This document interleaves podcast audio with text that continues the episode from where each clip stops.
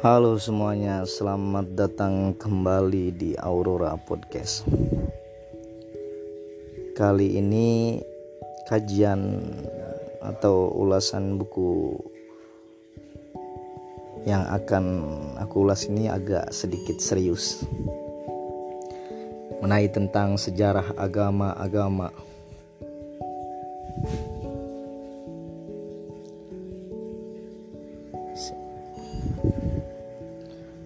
Buku yang kali ini kita ulas itu buku yang lahir dari seorang pemikir orisinil tentang peranan agama di dunia modern.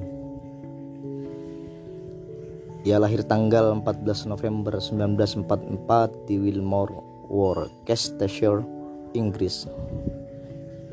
Sebagai penulis yang produktif, Beliau telah menulis lebih dari 20 buku tentang keimanan dan agama-agama besar. Mempelajari kesamaan ajaran dalam Islam, Yahudi, dan Kristen. Sebelum menjadi penulis, ia pernah mengabadikan diri sebagai biarawati Katolik Roma selama tujuh tahun. Seorang komentator terkemuka tentang masalah-masalah agama penulis yang sukses yang karyanya dibaca hingga di berbagai penjuru dunia. Ia penyebar semangat keberagamaan yang penuh cinta dan kasih. Pada tahun 2008 dianugerahi Ted Prize dan mendapatkan penghargaan dari Franklin J. Roosevelt for Freedom terkait karyanya tentang kebebasan beragama. Orang ini bernama Karen Armstrong. Ia menulis sebuah buku yang berjudul A Story of God yang diterjemahkan oleh penerbit Mizan.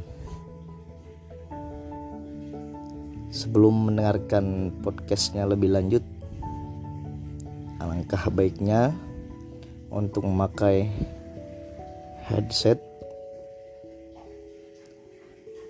agar suara terdengar lebih jernih. Buku ini ketika kita melihat cover dari buku ini mungkin sebagian dari kita akan bertanya-tanya apakah betul Tuhan mempunyai sejarah ketika kita melihat hanya sekilas bahwa buku ini akan menggoyahkan pemikiran kita jika kita tidak membacanya secara detail. Langsung saja kita mulai podcast kali ini.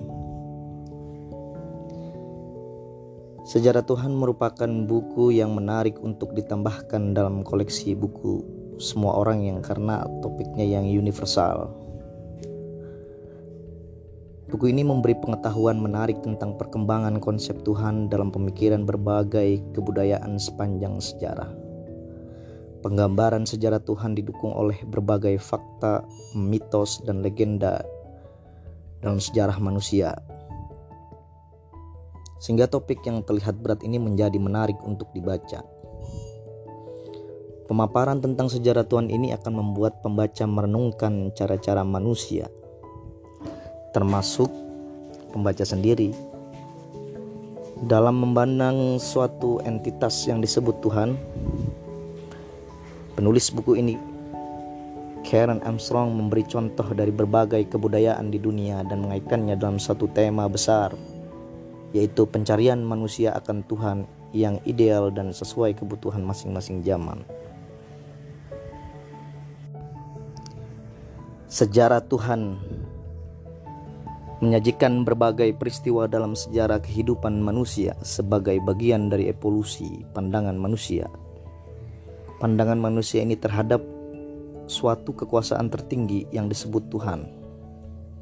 Misalnya, pergantian kepercayaan akan satu Tuhan pada masa purba awal ke kepercayaan pagan yang memiliki banyak Tuhan menyerupai manusia dijelaskan sebagai keinginan untuk menjangkau Tuhan-Tuhan baru yang lebih dekat dengan manusia dibandingkan satu Tuhan Maha Kuasa, tetapi berada jauh di luar jangkauan manusia. Buku ini menjelaskan bagaimana manusia sebenarnya memiliki naluri alamiah untuk berdekatan dengan yang gaib. Entitas tertinggi dari yang gaib bagi manusia adalah Tuhan Hal ini diceritakan secara kronologis sejak berkembangnya monoteisme purba menjadi politi, poli, politeisme pagan di seluruh dunia. Ada pula pendapat menarik tentang bagaimana Tuhan tiga agama monoteisme besar yaitu Yahudi, Kristen, Islam diimplementasikan oleh bangsa India menjadi dewa-dewa Hindu dan Buddha juga kaitannya dengan kepercayaan akan nirwana pada agama Buddha.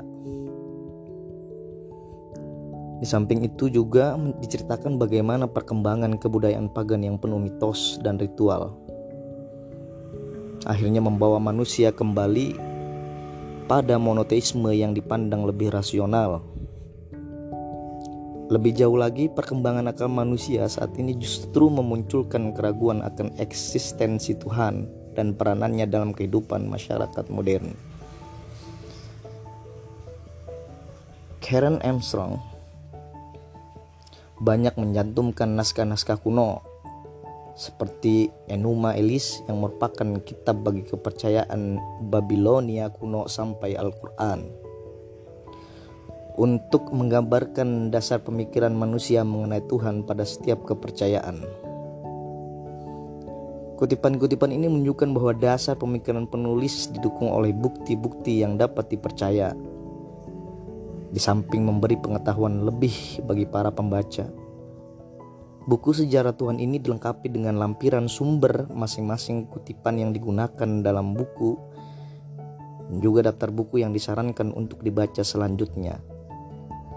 Bagi pembaca yang ingin mendalami lebih lanjut tentang sejarah agama dan kaitannya dengan perkembangan budaya manusia. Kelebihan lain buku ini adalah jika umumnya buku tentang ketuhanan rentan terhadap bias keyakinan si penulis, buku ini terbilang netral dan objektif dalam membicarakan setiap agama dan kepercayaan yang pernah ada. Hal ini menjadi nilai tambah mengingat Karen Armstrong ini besar dalam lingkungan Katolik Roma dan pernah menjadi biarawati. Dalam menuliskan pandangan-pandangannya Karen Armstrong berusaha tidak mengeluarkan pendapat pribadinya mengenai kepercayaan tertentu secara langsung. Penulis hanya mengeluarkan pendapatnya mengenai anggapan manusia mengenai Tuhan dari zaman ke zaman. Sayangnya buku ini banyak memakai istilah-istilah yang jarang diketahui masyarakat awam terutama istilah keagamaan. Kita harus menggali lagi dengan berbagai sumber.